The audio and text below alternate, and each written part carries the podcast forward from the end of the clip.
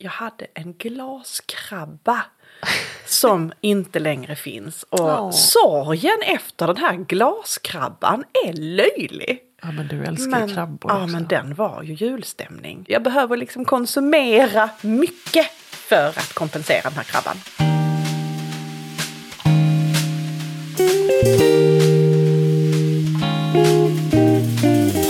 Välkomna till Annorlandet. En podd om att välja ett liv på landet. Med allt det underbara men också allt det skitjobbiga som det innebär. Stämmer den bonderomantiska drömmen? Ja men det är det vi ska utforska i den här podden. Och ni kommer att träffa mig, Anna Lidbergius. Och mig, Anna Tenfelt. De två annorna alltså. På landet. Annorlandet.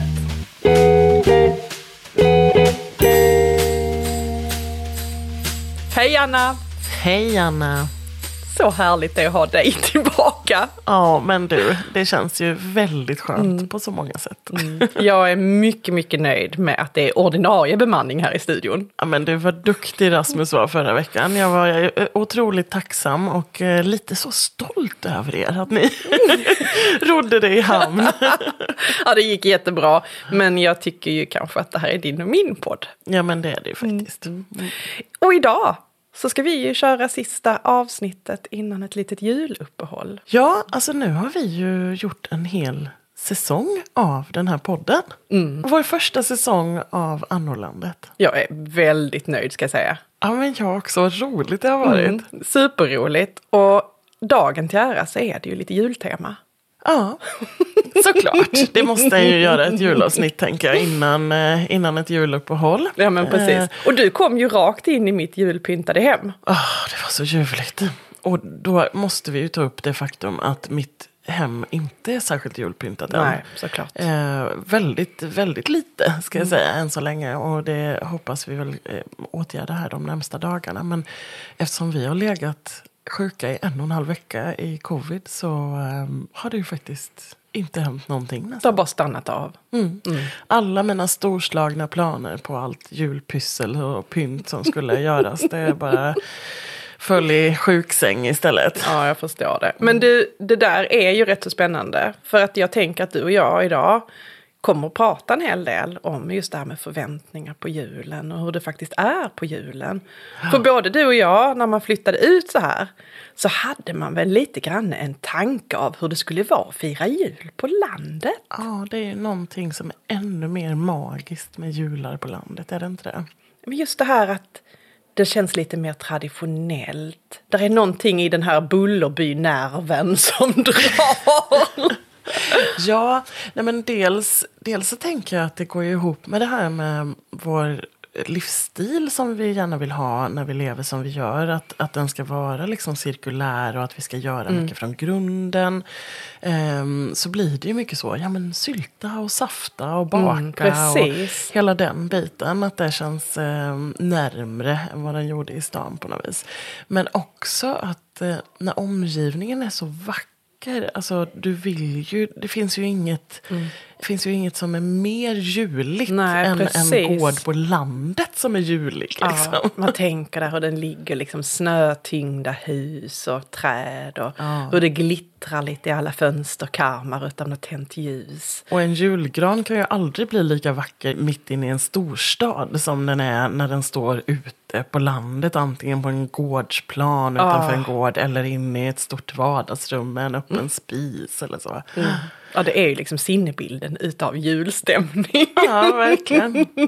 Drömde du om det innan ni flyttade ut? Nej men skoja.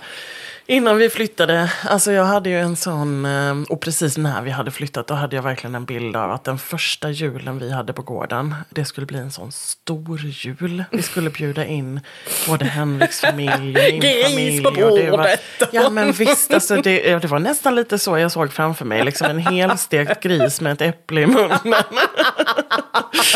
Och sen är jag otroligt glad att vi aldrig kom så långt att vi bjöd in alla de här människorna. För jag tänkte mig nog en så 20 pers i alla fall på, på julen. Men sen insåg ju jag att att eh, nej, vi, förra julen hade det verkligen inte funkat. Och denna julen ha- hade det inte heller funkat för oss. Nej. Som vårt liv har sett ut på hösten. För att det är ju så mycket jobb att fixa de där magiska jularna. Men du, det är ju liksom egentligen så här, jag, jag kan precis förstå dig för att jag ser ju också det i mitt inre. Den här lantliga julen, allting är hemlagat. Det är i princip hemstöpta ljus också som står på bordet. I och- princip, det är Ja. klart att det ska vara hemstöpta ljus. Man ska ha bundit kransar, det ska ligga granris på farstutrappen. Alltså verkligen hela, hela bilden. Men precis som du säger, vem fasen har tid med det? Nej, och jag vill så gärna ha tid med det. Alltså, det är ju allt det du nämner nu. Det är ju, ja, men granris är ju ändå ganska lätt att fixa på Ja, men det tänker jag också. tänker jag. Det, det har vi ju, och det hade vi förra året. Det har vi inte än, men det kommer vi att ha. Och, eh, ja men, eh, vad sa du mer då? Det Ja, var hemstöpta ljus, ja det kommer nog inte att hända. Men, men det är verkligen en sån bild jag har. Att jag, alltså jag vill Det verkligen göra bilden. alla de där. Ja. Alltså, ja men precis. Paradisäpplen i varje hörn och en gnistrande spis. Och, åh, mysigt, mysigt, mysigt. Men den är ju rätt så svår att kombinera med skötsel utav sin gård. Och Ja, för- heltidsarbete. Ja, det är väl det. Alltså att allting annat i livet ska hinnas med också. Det är eh, framförallt heltidsarbete tycker jag tar mycket mer än en heltid av livet just nu. Och jag som precis är, håller på att byta jobb. Ja. Jag har ju börjat på ett nytt jobb men jobbar fortfarande också för mitt gamla jobb. Så att jag har ju liksom det och våra företag och eh, har varit sjuk och har två tonårsbarn och har herrans massa djur. Där kan du knö in lite stöpning av ljus också tycker jag. Jag kände det nu. Nej, och det är ju hela tiden de här prioriteringarna. Jag måste ju träna hundarna. Alltså de måste ju göra det. Det måste ju då gå före att till exempel stöpa ljus. Sitta vid bordet Eller- och binda en krans. Ja. Men vad härligt det hade varit om vi hade haft de där timmarna. Liksom, Där det var bara rofyllt. För jag har samlat på mig mossa och kottar och du vet, grenar och saker från naturen liksom, som, eh, som skulle vara fantastiskt i julpynt. Och en del av det kommer jag såklart att använda. Men inte allt.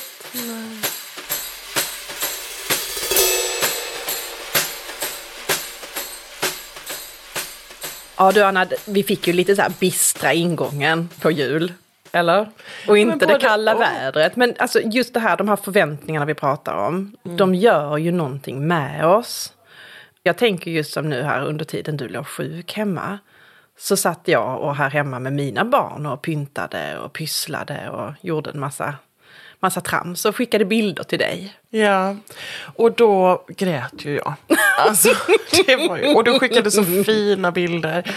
Alltså det var Rut och Siv som liksom bakade pepparkakor och det var adventsljus och det var stjärnor och allting såg så magiskt ut. Och jag hade haft så mycket planer för den här helgen. Att vi skulle göra det. Vi skulle liksom dricka glögg och mysa tillsammans med barnen och vi skulle sätta upp julpyntet tillsammans och vi skulle göra vår eh, fina adventsljusstake och sådär. Men sen räddade du ju mig. När jag hade gråtit en stund så skrev ju du så här. Ja, det syns ju inte på bilderna att barnen har bråkat sig igenom hela pepparkaksbaket. Eller att de har bråkat hela adventsfrukosten. Nej, det syns inte. För att det blir väldigt fint med en liten så julig backdrop på det. Och man kan se där hur julmusiken skrålar ut ur högtalarna. Och det gjorde den. Ja. Men det var också ett konstant käbbel om pepparkaksformer och vem som hade stoppat deg i munnen. Så att stämningen var ju inte på topp.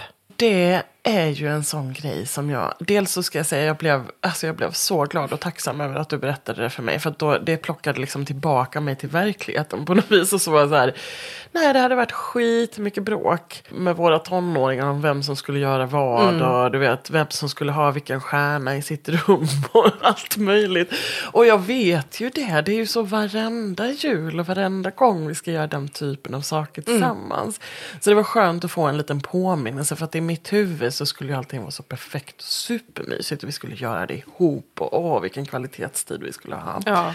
Men sen så fick det mig också att tänka mycket på det här med Alltså jag tror en av mina största utmaningar i föräldraskapet har alltid varit att jag lägger ner hela min själ och min tid och min energi på att fixa grejer. Och det kan vara mm. allt ifrån semestern som ska bli så himla härlig för barnen. Och, det, och vi gör en mm. bilsemester mm. så de får se så många platser som möjligt. Vi stannar hos eh, kusiner och vi stannar hos farmor och sen så är vi i sommarhuset på Öland. Men man vill bygga, liksom, man vill skapa de här härliga minnena för dem. Verkligen. Att de ska kunna tänka tillbaka och de ska vara i sån förundran och liksom känna åh vad mysigt det var. Och någonstans är det ju mycket för barnen som man mm. bygger den här magiska julen också. Alltså mm. som allt det här julpysslet och pyntet är till för. Tindret i ögonen. Ja, det är ju det du vill se. Och sen kommer den där otacksamheten. Men det är kanske det också, vi kanske lurar oss själva och framförallt tänker jag med sociala medier och sådär där vi bara får se de här vackra stillbilderna. Och lite din och min bild av en, liksom en lantlig jul, den bygger ju också på liksom inre stillbilder, på hur det ska se ut där på den här stora familjesammankomsten. Det ska vara varmt, det ska liksom knastra i brasan och man ska gå ut och dricka glögg och det ska komma rök ur munnen. Alltså du vet allt det där. ja. Men om du börjar tänka på det och titta på det utanför liksom den här bilden så kan du också se att ja, där hade man också stått och tjabbat om någonting. Och vad hade man själv gjort? Ja, förmodligen hade man varit sönderstressad för att alla skulle ha det så trevligt och få goda minnen om man hade liksom bara skött och skött och skött trött. Och kanske inte kunnat njuta alls på samma sätt. Men jag minns det inte så. Jag minns det inte alls så. Nej, jag men minns du minns det, det ju som, att, du minns det ju som din bild från barndomen. Precis. Ja. Mm. Och det kommer ju våra unga göra nu också. Tror du det? Mina barn kommer ju tänka så här, åh vad magiska pepparkaksstunder detta var. Det ska vi göra för våra barn. och så kommer de gå rakt i samma fälla. ja, men det kanske är så. Och, alltså jag måste nästan fråga mamma hur det var. jag ska träffa henne ikväll så jag får fråga då. Du har ju såklart rätt i det, för det var ju precis det som hände när du berättade att så, ja, bilderna är superfina. Och det var ju fina stunder. Mm. Det är ju mm. inte det mm. liksom. Men väldigt Men korta. ja. Och det kanske är det som jag måste bli bättre på då. Att så här, eh, ja visst det är massa tjafs och bråk och då får jag nästan förvänta mig det. Att det ska liksom mm. vara. Men att fånga de här korta, korta, korta ögonblicken bara. Så att mm. ah, men nu, nu luktar det jul. Precis. Eller nu knastrar det i brasan, vad, vad härligt, vilket härligt ljud det är. Eller som du sa, nu när vi tänder, vi har ju faktiskt en jättefin julbricka framför oss här med hemmabakade pepparkakor och eh, vinglögg och så ett levande ljus. Och mm. det levande ljuset det tänder ju du med tändstickor. Det är så viktigt på julen att tända med tändstickor. Ja, du sa det. Ah. Och då tänker jag att det handlar om lukten. Mm. Svavlet. Ja, men också att det känns mer på riktigt. Du och jag har pratat om det för det här att det ska kännas som på riktigt. Och jag skulle nog ändå vilja ge lite liknelser med det här. Att ta de här små stunderna med där, som när vi pratade om att skogsbada. Ja. Att det här stanna upp lite grann och känna efter. Och nu låter jag nästan som Ernst. Eller hur? Här, att tända en riktig tändsticka och tända ett ljus. Mm. Ja, det är någonting magiskt med det.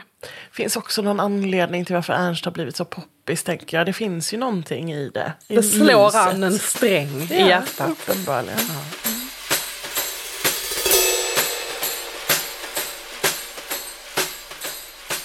Du, vi sa lite grann här om de här fällorna man tror på. Alltså som man upprepar liksom från sin egen barndom och tänker att det här är mysigt att göra. Och jag läste faktiskt på, jag kommer inte ihåg vilken tidning det var, jag tror det kom på nyheten också förresten på tv. Det här om man, den nya kvinnofällan. Ja. Läste du det?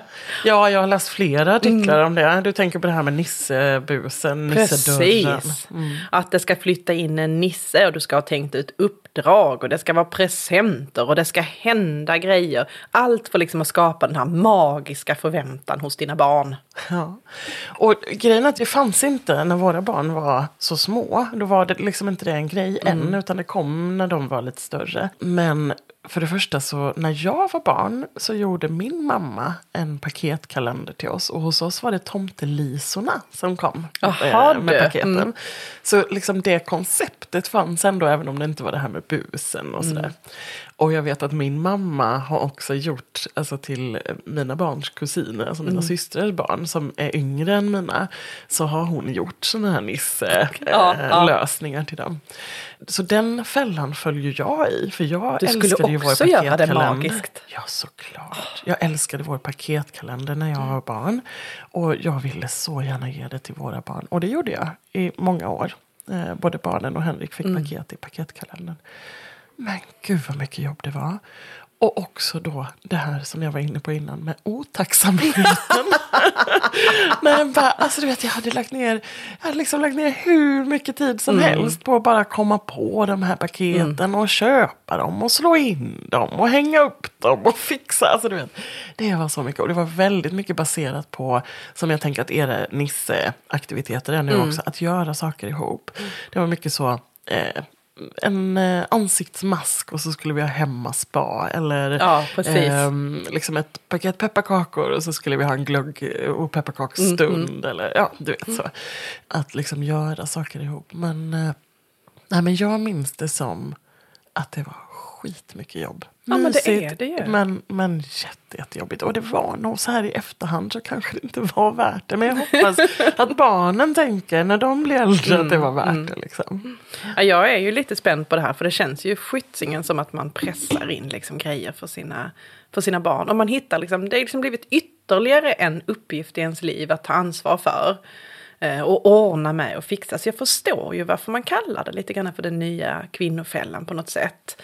Men varför kvinnofälla då? Är det bara du som fixar det eller? Ja, men jag tror att rent generellt så är det väl många gånger kvinnor som tar den här rollen med att skapa förväntningarna för julen, ta ansvar för julpyntet, för myset, för pepparkaksbaket, för att hålla reda på att lussekläderna har rätt storlek. Ja men du vet, det är ju de här traditionella tradiga grejerna som man ändå försöker bryta. Men så snabbt man plockar upp en ny sak och hålla reda på, för att man tänker att det ska ge någonting magiskt till sina barn. Och det är ju absolut superhärligt. Men det är ju också en extra jobb och en extra grej att lägga sina pengar på och köpa en massa skit. Ja. Ja. Men magiskt. Men magiskt. Men tro, alltså, tycker Rut och Siv att det är magiskt då? Är det magiskt? Absolut är det det. Jag hade ju hoppats på att vår Nisse dog i fjol.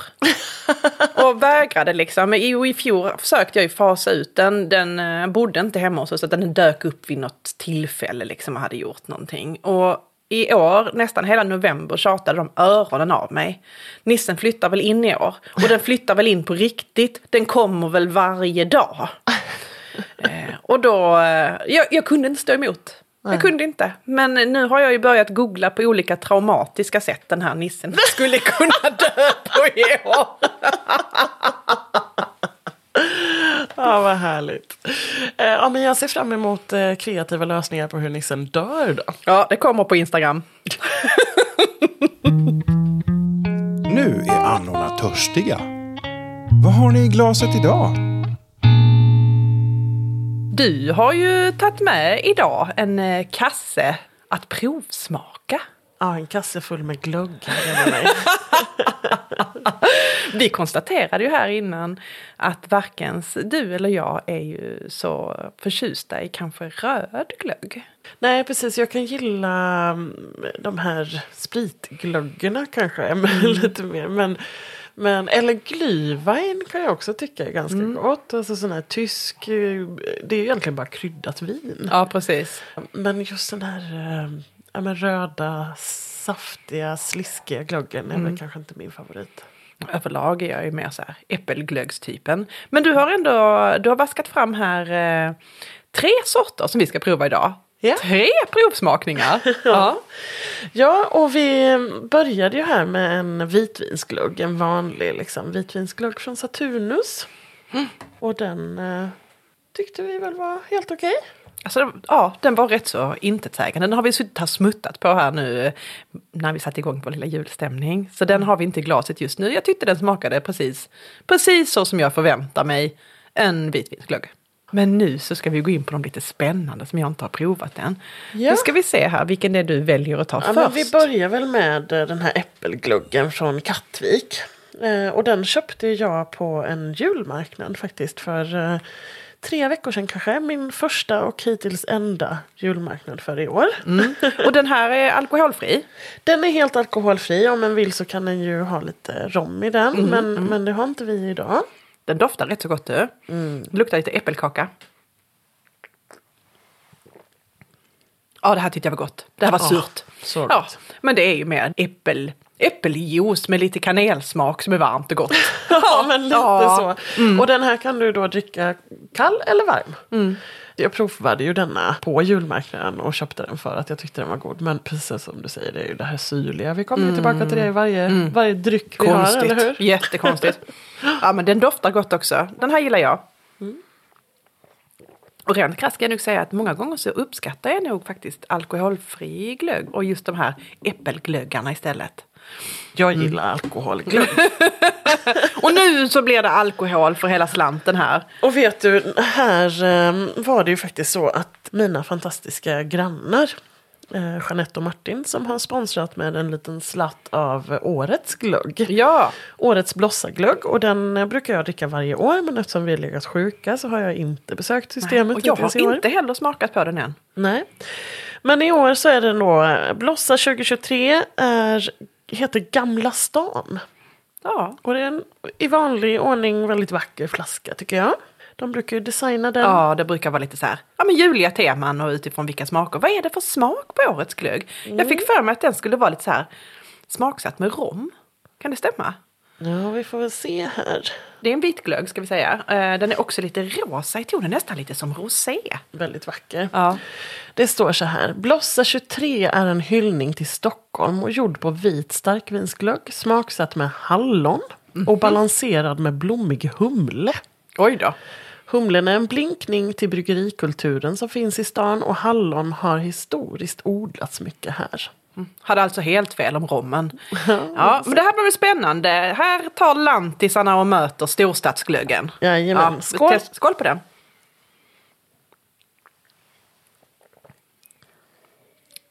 Nej. Nej, men det här var... Nej. Nej, det var inte nej, nej, det var det inte. Nej, det smakade som att någon hade lagt någon lite halvkvalmig hallongodis i glöggen. Alltså jag, jag tyckte den var helt okej. Jag kommer nog kanske inte köpa den. Nej, Ehm, nej. Men jag ska säga, jag brukar verkligen uppskatta Blossats eh, glögg, årsglögg. Och några år, alltså när det var um, Earl Grey till exempel, den älskade jag. Och det var något år som det var så här bergamott. Och, ja, men mycket sådana härliga smaker. Men, nej, nej, men den här gick inte hem. Nej. Men jag tror om, eh, om ni gillar hallon. Så, det, ja, det är fullt testa. möjligt. Ja, Nej, den här lämnar jag till eh, stockholmare. Ja. Skål!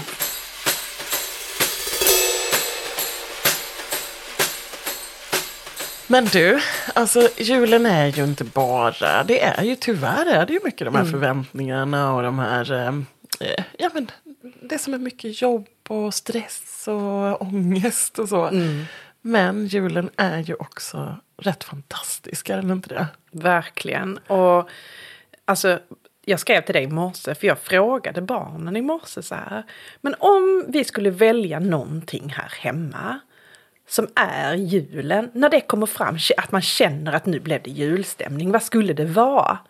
Och då har vi en, eh, en gammal bonad som har hängt hemma hos min farmor och farfar som är i brunt och rött och orange och vitt och lite guldstänk som ser ut som, ja men det är fem stycken hästar i orangea toner och sist så kommer där en vitgrå.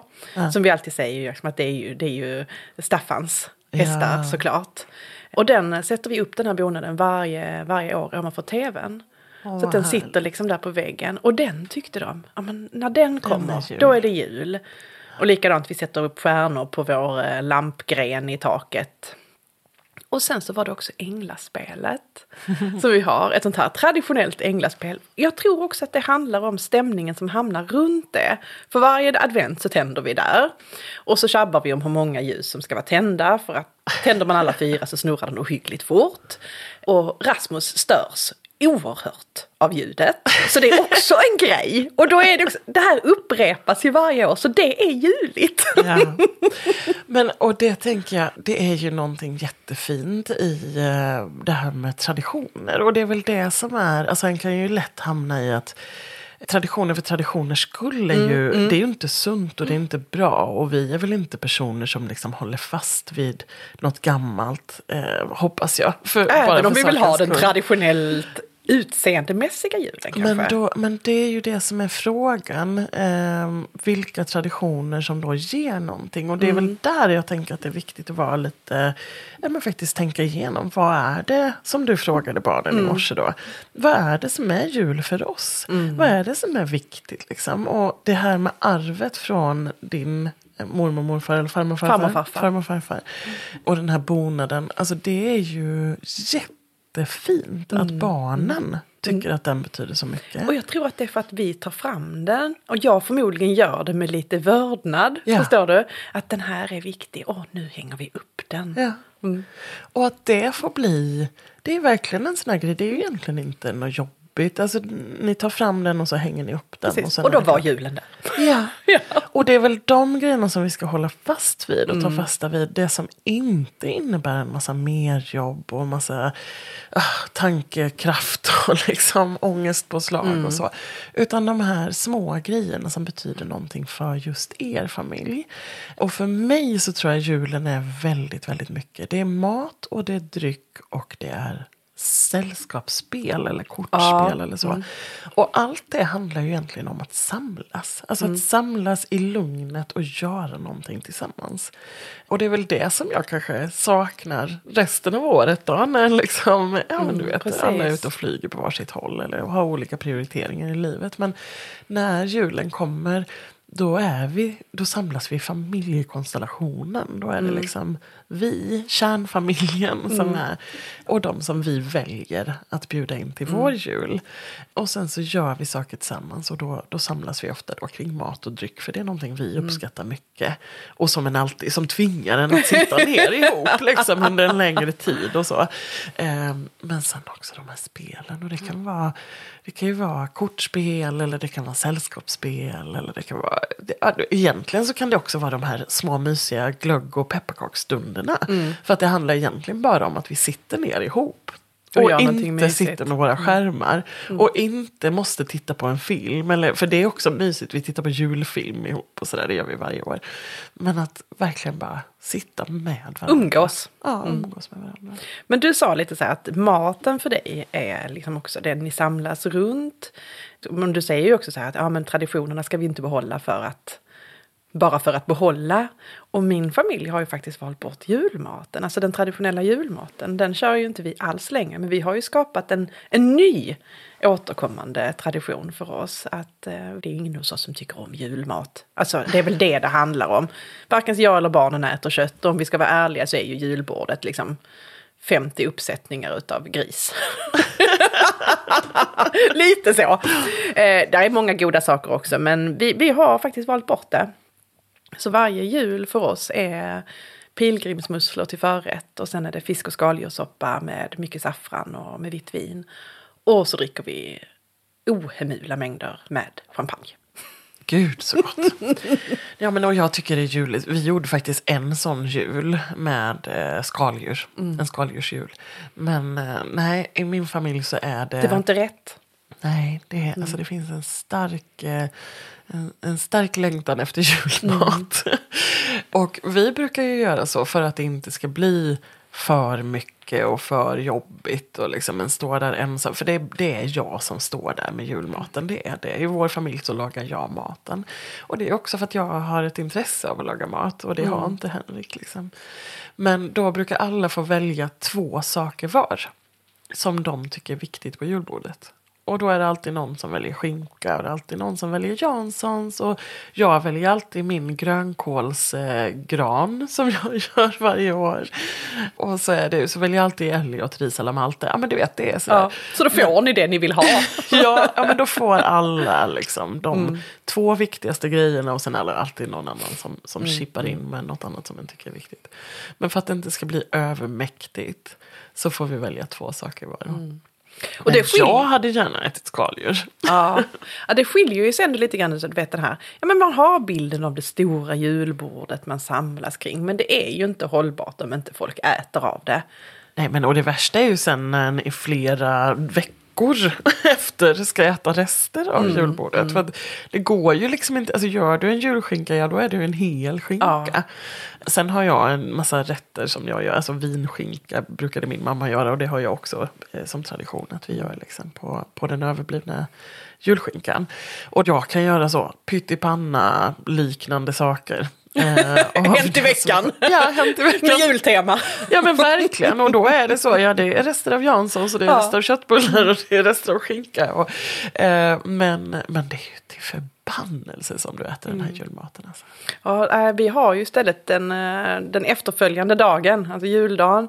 Den blir ju spaghetti med musselsås. För det är, oftast, det är oftast en liten slatt kvar på den här stora så fisk och skaldjurssoppan. Och då blir det liksom en pasta med eh, den sista resten.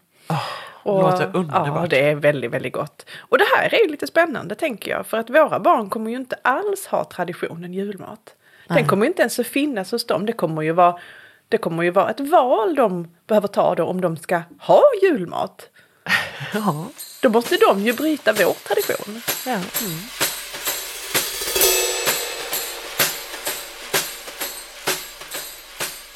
Men du Anna, nu pratade vi lite så här, ja men maten som betyder jul. Men vad är det mer som får det att kännas jul i dig då?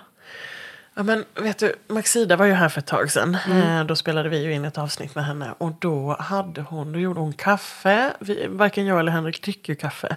Men hon dricker kaffe och så gjorde hon kaffe med kardemumma och kanel i. Åh, det luktade så gott i mitt kök. Alltså det var så ljuvligt. Så sen började jag fundera på att börja dricka kaffe bara för att få göra kaffe med juldofter i. Men sen kom ju du med världens Ja. bästa knep. Vi har ju ett trick, alltså jag och tjejerna. Och det är ju just för doften är viktig för jul.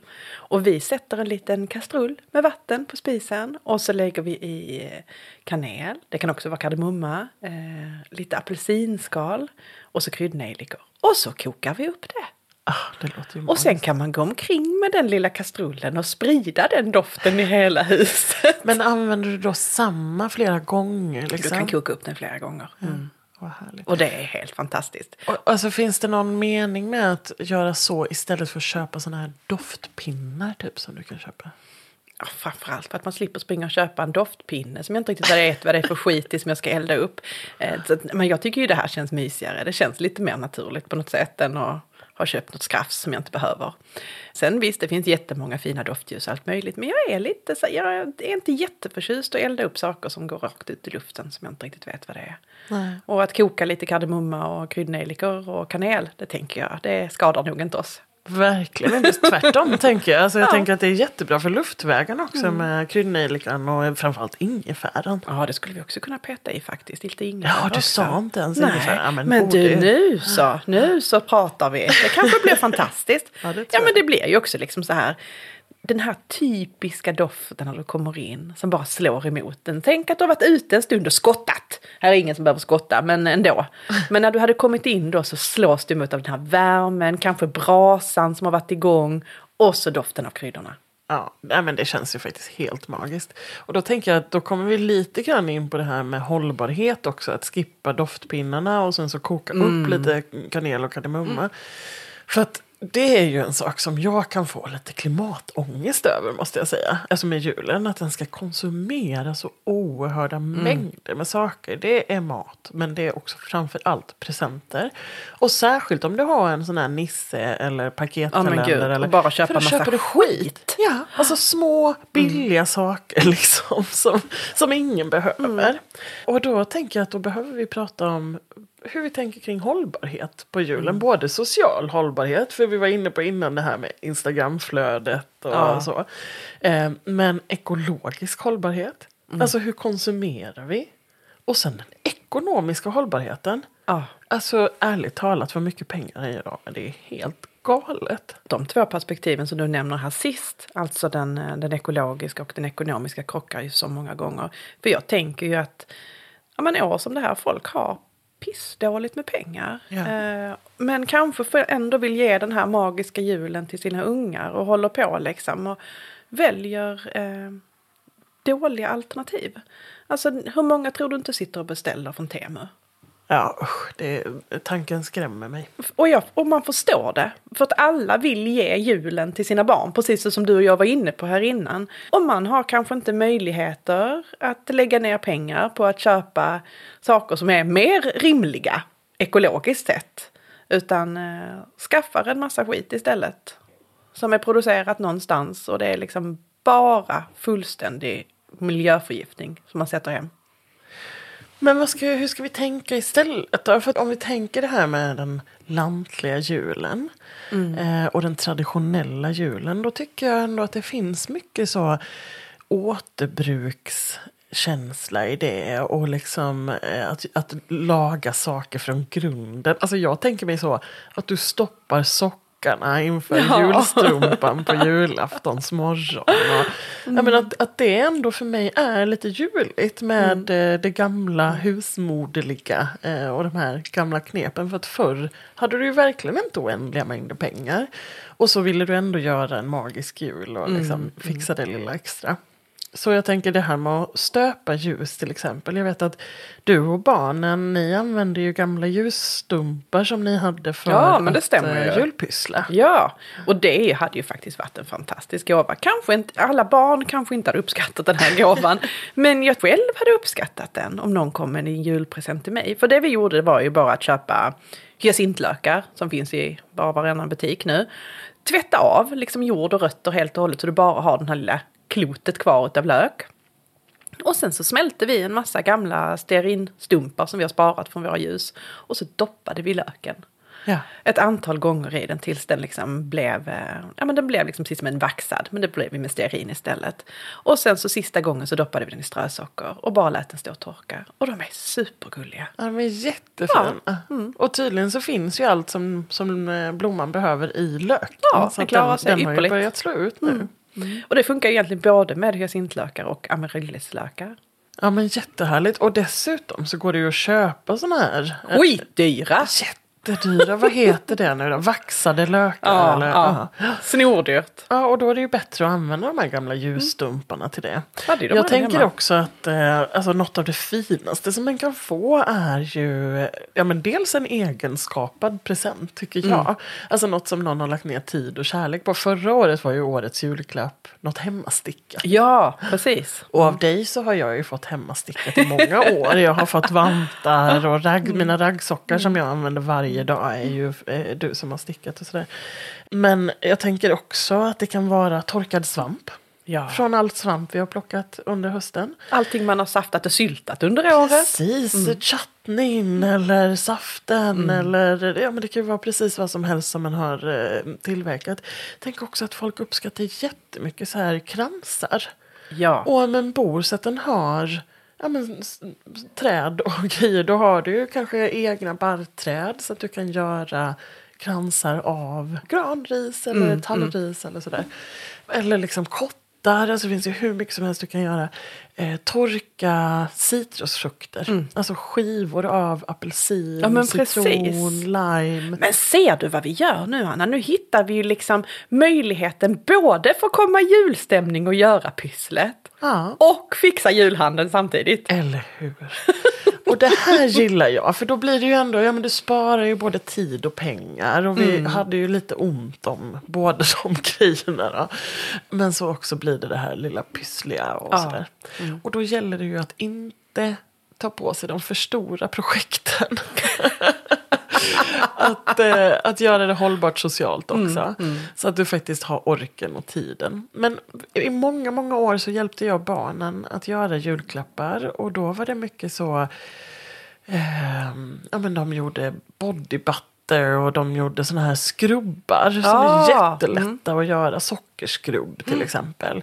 De gjorde eh, cookies in a jar, alltså gjorde liksom Man gör själva färdig- blandningen. Ja, och sen så skriver du ett recept på burken. Ge bort en fin burk med ett liksom fint rött sidenband runt eller så. Och så skriver du att så, men du ska tillsätta så här mycket smör och så här mycket vatten eller vad det nu är. Och de gjorde Ja, men det var verkligen allt möjligt. Det var chutney och det var mandelskorpor Mm. och sådär. Och det är så mysigt att ge bort.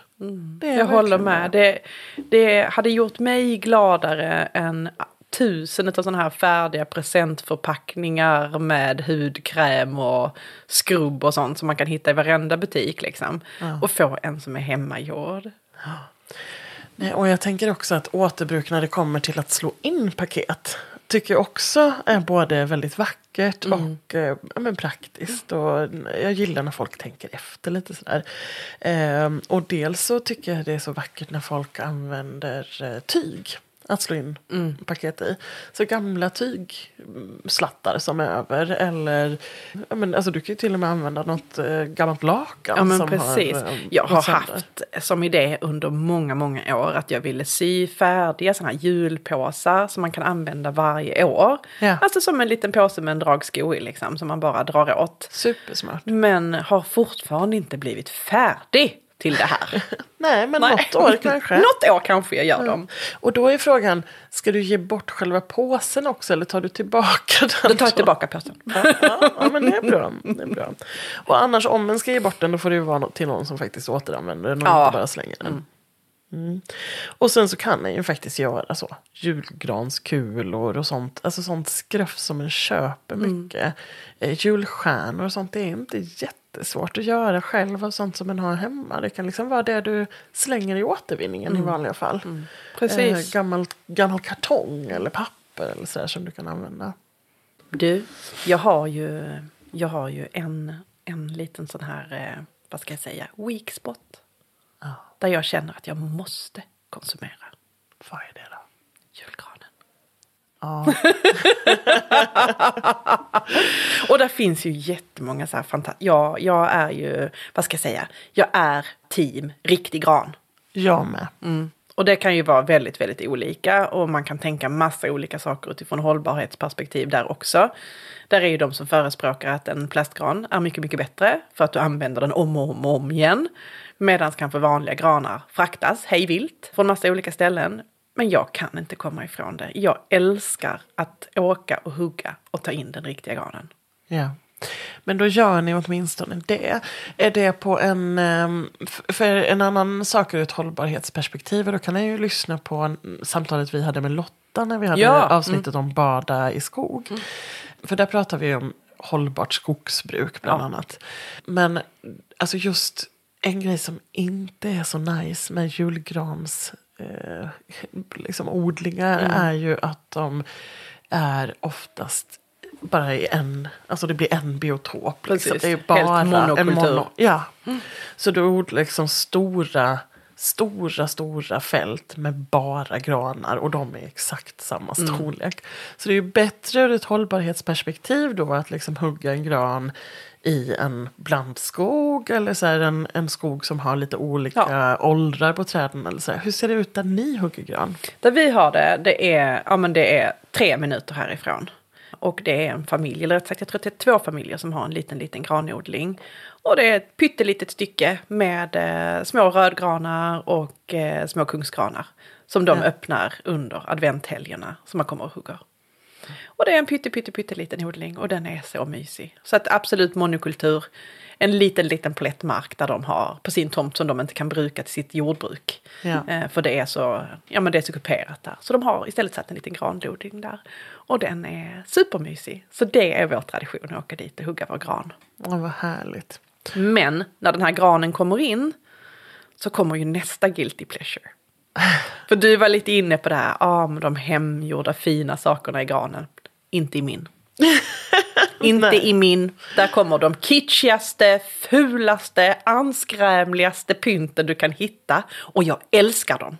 Du, vet du, alltså jag, du måste åka till Knutstorps borg som är en sån här super, super fin. För om vi nu ska prata hållbarhet och vi ändå ska konsumera och vill ha kitschiga grejer. Men då tänker jag, kan vi åtminstone handla hos vår lokala Ja, handlare? Och det ja. gör ju du med granen. Och sen så har vi då Knutstorpsborg som är en tjej som heter Ida. Som har öppnat i, de bor i borgen. Ehm, och sen så har hon öppnat liksom en av de gamla ehm, vapenkammaren tror jag att det var. Så har hon öppnat en liten gårdsbutik. Och de har så sjukt kitschiga julgranskulor. Underbart. Alltså du måste kolla, det är så här hundar och korvar och... Älskar det. Ja, du, ja. Ja, jag har ju väldigt många. Jag samlar ju på, på roliga julkulor liksom. Eh, så att det är ju, jag kan inte gå förbi en butik. Alltså jag kan inte låta dem vara. Utan den, eh, den här samlingen växer varje år. I fjol, dock, första gången i mitt liv så välte julgranen. Mitt i natten vaknade vi av en jädra smäll. Att den liksom drog rakt i backen. Och då har du inte ens några katter. Nej, förmodligen så har den ja, men varit tyngre på ena sidan liksom och druckit så pass mycket vatten så att den har blivit övertung på en sida. Har aldrig varit med om det förr. Så nu har vi även en julkrok ovanför julgranen som vi numera fäster i ett spännband. För Oj. att jag älskar mina kulor så pass mycket. Och i fjol var det många som gick i kras. För jag älskar särskilt så här riktigt glas också som jag har köpt på mig under många, många år. Och det var många som gick i kras. Och jag hade en glaskrabba som inte längre finns. Och Åh. sorgen efter den här glaskrabban är löjlig. Ja, men du älskar Men, krabbor ja, också. men den var ju julstämning. Om vi pratade bonaden innan. Ja, så krabban, krabban. oj Ja, oj oj oj oj.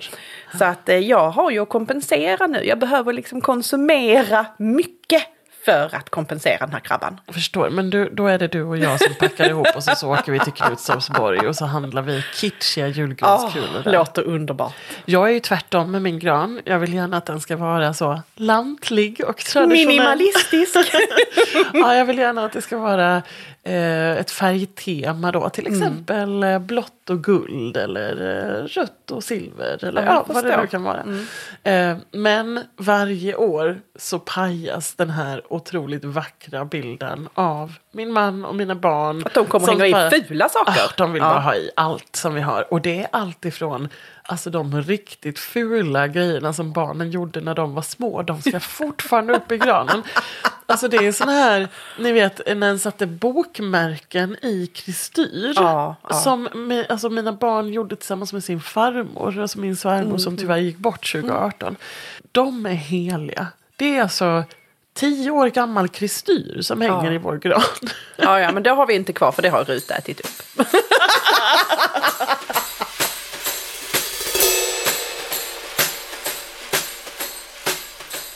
Ja du Anna, det är ju eh, som vanligt det här med att bo på landet. Det finns mycket plus och det finns också en del minus. Och eh, julen är ju lite helig för de flesta av oss tänker jag. Men om vi nu ska sammanfatta det vi pratat om idag så tänker jag att mitt största råd, både till mig själv tror jag och till andra, är nog att, att fundera, alltså att ta sig en funderare på vad är det som är viktigt och vad är det som får mig att må bra, men också prata med dem nära som en ska fira med, om det är familj eller vänner eller sådär. Vad är det som är jul för oss? Vad är det som är viktigt för oss och hur kan vi göra det på ett hållbart sätt? Behöver vi verkligen liksom brassa på den här jättestora föreställningen oavsett egentligen stad eller landsbygd? Ja. Behöver vi köra hela bilden all in eller kan vi prioritera det som är absolut viktigast? För kanske ligger julen och den här stämningen vi vill åt i de små grejerna man gör. Och att inte stressa, precis som du säger, och göra så stora förväntningar utav det. Utan försöka göra saker och ting som man njuter av här och nu. Verkligen. Och sen tänker jag när en sitter där och tittar på sitt Instagramflöde eller Facebookflöde eller vad det nu är. Att liksom minnas att det är Det är på inte- bild. Ja, och det är så mycket mer som är bakom den där bilden. En jättevacker bild. Ja. Men eh, det finns också de tuffa stunderna hos alla oss andra också. Även vi som delar det vackra och fina och stämningsfulla. Så finns faktiskt skriken och bråken bakom den här Ja. fina bilden. Vi kanske ska avslöja att den här eh, fina bilden som kommer upp idag till dagens avsnitt. När du och jag precis har liksom stylat upp vilken, liksom vilken glögg vi ska smaka och så idag. Så har vi ju också bakgrundsljudet till det. Är ju att jag skäller på mina barn för att de stör mig och att de kan gå och jaga sin pappa istället. Prata inte med mig, prata med er pappa. Och det, det hörs inte när man Nej. tittar på bilden. Ja, det blev en otroligt fin bild. Vi hoppas att ni också gillar den. Men med det här så ska vi kanske bara avsluta dagens avsnitt. Och vet du vad jag vill avsluta med då? Anna? För nu ska vi faktiskt göra ett, ett litet uppehåll. Ja, ja. Vi ska ju ha ett jullov, Mm, ska du och jag ha. Eh, och vi kommer tillbaka med poddens andra säsong då i slutet av januari. Ja. Och då vill jag avsluta med att säga att det jag önskar mig i julklapp av er som lyssnar. Det är att ni ska gå in och sätta betyg på podden där ni lyssnar. Det kan vara i Apple Podcasts eller det kan vara på Spotify eller sådär. Och om ni vill ge oss en femma där så vore vi så själaglada. Vilken julklapp det hade varit. Ja. Eh, och gärna liksom kommentera och interagera med oss och berätta för folk om podden. För mig hade det nog varit den finaste julklappen jag kunde önska mig. Att, eh, att podden sprids och att vi har ännu fler härliga lyssnare som vill vara med oss för andra säsongen i vår. Det var en jättefin önskan. Det var en jättefin önskan, Anna. Jag, eh, jag skulle vilja ha ett svamphus.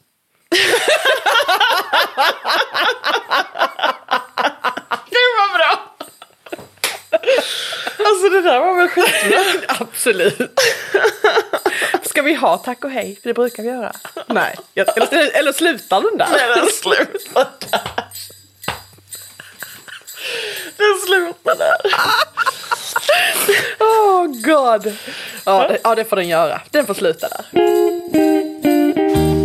Du har hört ett avsnitt av Annorlandet med Anna Lidbergius och Anna Tenfelt. Inspelat i Studio Mitt i Spenaten. Musik och ljudbearbetning av Rasmus Lidbergius och producerat av Henrik Smeding och Rasmus Lidbergius. Vill du komma i kontakt med annorna? Skriv till dem på hej.annorlandet.se eller på Instagram.